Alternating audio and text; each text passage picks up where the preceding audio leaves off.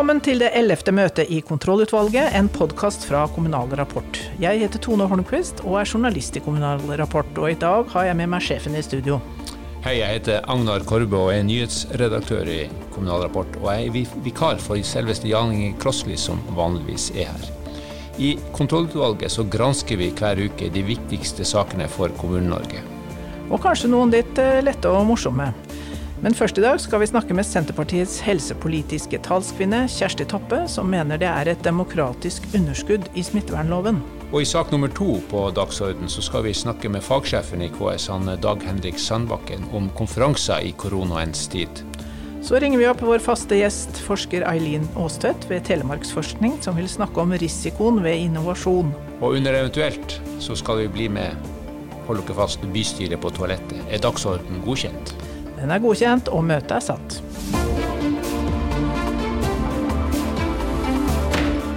Første sak på dagsorden er smittevernloven, som er grunnlaget for alle de strenge tiltakene under koronakrisen, både lokalt og nasjonalt.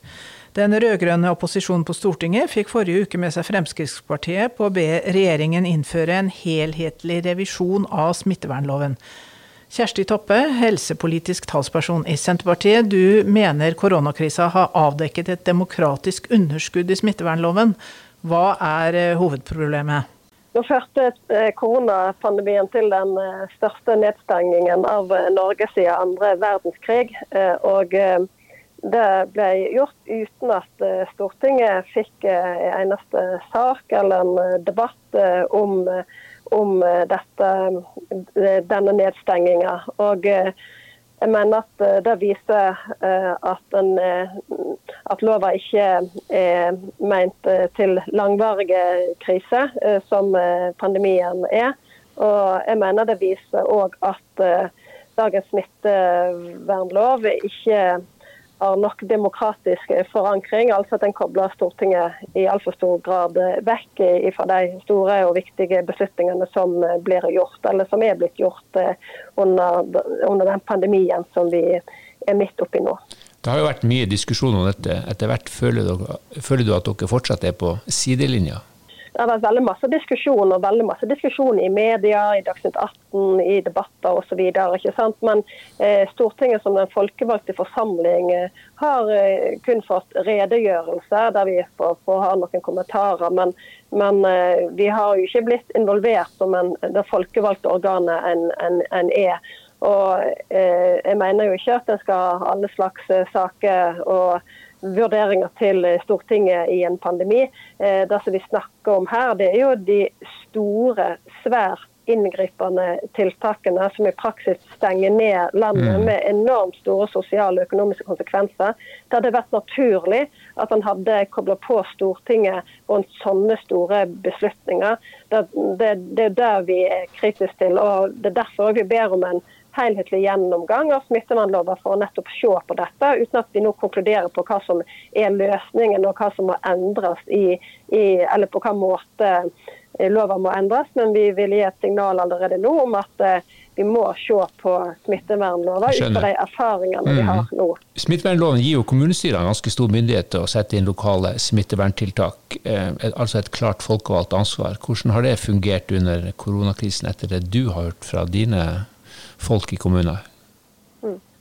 Smittevernloven gir eh, kommunene eh, stort ansvar og stor myndighet. og Det tenker jeg er enormt bra med dagens smittevernlov. for det at Veldig mye smittevernarbeid må skje i kommunen. Så, så det er riktig. Men eh, det som er min erfaring det er jo at eh, jeg opplever til at mange kommunestyrer òg er frakobla eh, disse beslutningene, og at det i stor grad er delegert til eh, kommuneledelsen, eh, en kriseledelse, kommuneoverlege eller i parlamentarisk styrte kommuner, da byrådet. Men lova er jo veldig tydelig på altså det, det som blir nevnt i smittevernloven paragraf 4-1, som er den paragrafen som gir hjemler til store nedstenginger og, og stenge skole, barnehage osv. Det er jo kommunestyret så Det er kommunestyret som etter lov har hjemlandet. hjemlene. Så jeg er opptatt av at eh, kommunestyret òg må ansvarliggjøres eh, i, i, de vedtakene som blir gjort. Og kanskje det har blitt gjort i altfor liten grad. Det er iallfall det inntrykket som jeg kan ha, ha, ha jeg, ut fra det som jeg har kjennskap til, og de kommunene som jeg har kjennskap til. Du har selv vært kommunelege. Er det ikke mest forsvarlig, syns du, å delegere smittevernansvaret til kommunelegen? Eh, selvsagt, eh, men dette er jo ingen eh, motsetning, egentlig. Det er jo i veldig stor grad, og som ofte så er det jo et, en faglig vurdering, smittevernarbeidet. Og en må en må få gjennom de faglige vurderingene og, og tiltakene. Men nå er det jo slik at smittevernlova nevner ikke altså En har ikke delegert hele ansvaret til smittevernoverlegen. En har delegert det etter lova til kommunestyret.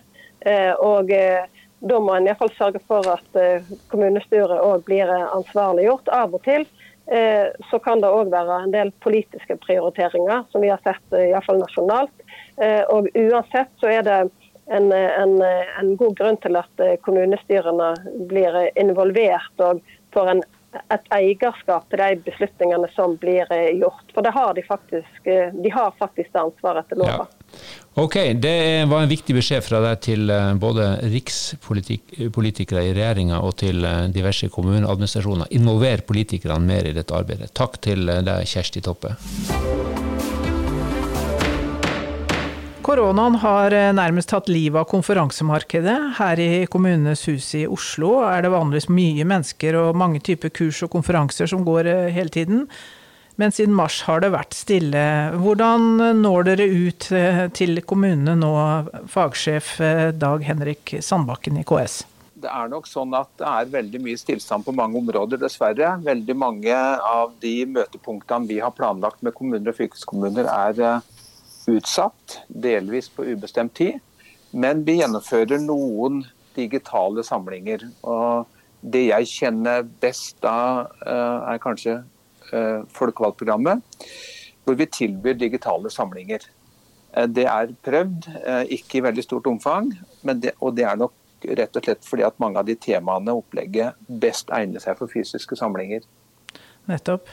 Eh, årets store happening er kommunalpolitisk eh, toppmøte, hvor det vanligvis kommer 700 kommunefolk fra hele landet til Oslo. I 2021 skal det arrangeres den 2. mars. Og hvordan koronasituasjonen er da, det er det jo ingen som vet. Men dere har en plan, Sandbakken. Kan du si litt om det? Ja, vi har en plan. og Den går ut på at eh, kommunalpolitisk toppmøte blir arrangert som en hybridkonferanse. Hvor vi etablerer ti studioer rundt i landet. Og i hvert studio kan det da samles eh, folk fysisk eh, innenfor de smittevernregler som til hver tid gjelder. Hvis vi er heldige, så kan vi kanskje samle inntil 200 i hvert studio så kobler vi de studioene sammen, sånn at eh, alle skal oppleve at de er på samme konferanse. Og Teknisk sett er det fullt mulig. Eh, så per nå så er det smittevernsituasjonen som vil avgjøre hvor mange som kan samles fysisk. Øvrige deltakere kan delta digitalt, og eh, i verste fall så kan alle delta digitalt. Dere tar altså hele Kommune-Norge i bruk, det er jo fantastisk? Ja, det er egentlig det er en liten innovasjon, dette her. Eh, og du kan jo si det sånn at det kommer alltid noe godt ut av noen kriser. Vi kommer til å vurdere om dette her kan være en framtidig måte å organisere og arrangere den type konferanser på.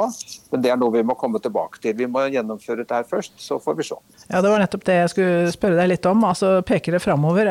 Det er jo, det er jo miljøvennlig å, å arrangere det på den måten? Og ja, billigere, ingen... spare litt på reise òg? Ja da, det er ingen tvil om annet enn at dette her eh, har veldig mange positive sider. Eh, det vi kanskje til dels kan miste, det er at eh, et viktig formål med kommunalpolitisk toppmøte er at alle skal kunne møtes og kunne prate sammen. Her håper vi at folk kan møtes regionalt, men det betyr at du møter kolleger i din region og ikke fra hele landet. Men utover det så er det veldig mange positive effekter av dette her. Vi kan ha langt flere deltakere. Eh, de kan reise kortere, det er klimavennlig, og det vil være rimeligere for deltakerne, naturligvis. Nettopp, men litt, litt, dyrere for KS å arrangere med så mye studioer og, og teknisk ja. kobling. Ja. Ja da, ikke sant? det er et ganske krevende arrangement å, å, legge til rette for. fordi at Vi skal altså koble ti studioer sammen med deltakere i alle studioer. Eh, så sånn sett så blir det noe mer krevende. og Det blir nok òg en del av vurderinga, naturligvis. Men eh, det er, veldig, det er, veldig, spennende å prøve noe nytt. Og så vil vi være veldig avhengig av hva eh, målgruppa vår, hva folkevalgte og administrative ledere mener om dette her. Fint. Takk til deg, fagsjef Dag Henrik Sandbakken i KS.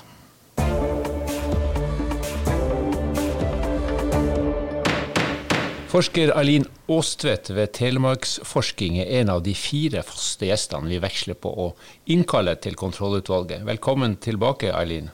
Takk for det. Du jobber jo med innovasjon, du forsker på innovasjon. Og i dag så, så skal du snakke litt om risikoinnovasjon. Det heter jo så fint vi må tørre å gjøre feil. Det skal være et godt slagord for en god innovasjonskultur. Men hva betyr egentlig det? Ja, det er jo egentlig det som er mitt spørsmål òg. Hva betyr det når eh, regjeringen i, i, sin nye stortingsmelding om innovasjon sier at vi må ta risiko, vi må tørre, vi må være modige og lære av feil? Hva innebærer det egentlig? Og Vi har jo òg eh, kommunale slagord som det er lov å gjøre feil, eller du må tørre å ta sjanser. Og eh, Offentlig sektor er vel kanskje heller kjent for å ha en nullfeilskultur, der man prøver å eliminere feil.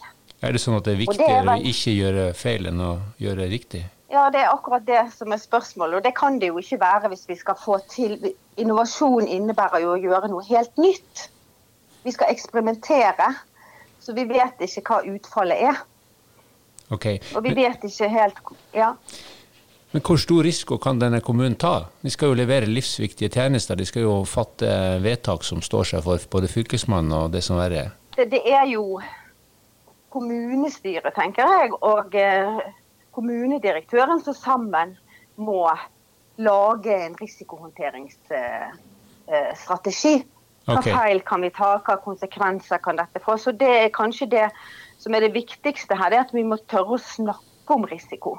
Men hvorfor ikke bare utrede og konkludere med en løsning som har liten risiko? Ja, men Da får vi jo ikke til store innovasjoner vi vet jo ikke utfallet uh, av alle ting vi prøver ut, så da får vi ikke nok nytenkning. Vi kan jo tenke på sosiale medier, som vi så på som en flott ting når det kom, og som vi fremdeles ser på som en uh, flott ting. Men uh, vi kunne jo ikke forestille oss at det skulle påvirke valg og bli brukt på den måten som det blir brukt. Og sånn er jo det med mange innovasjoner. Vi, vi kan ikke forestille oss Eh, konsekvensene før vi har prøvd det ut.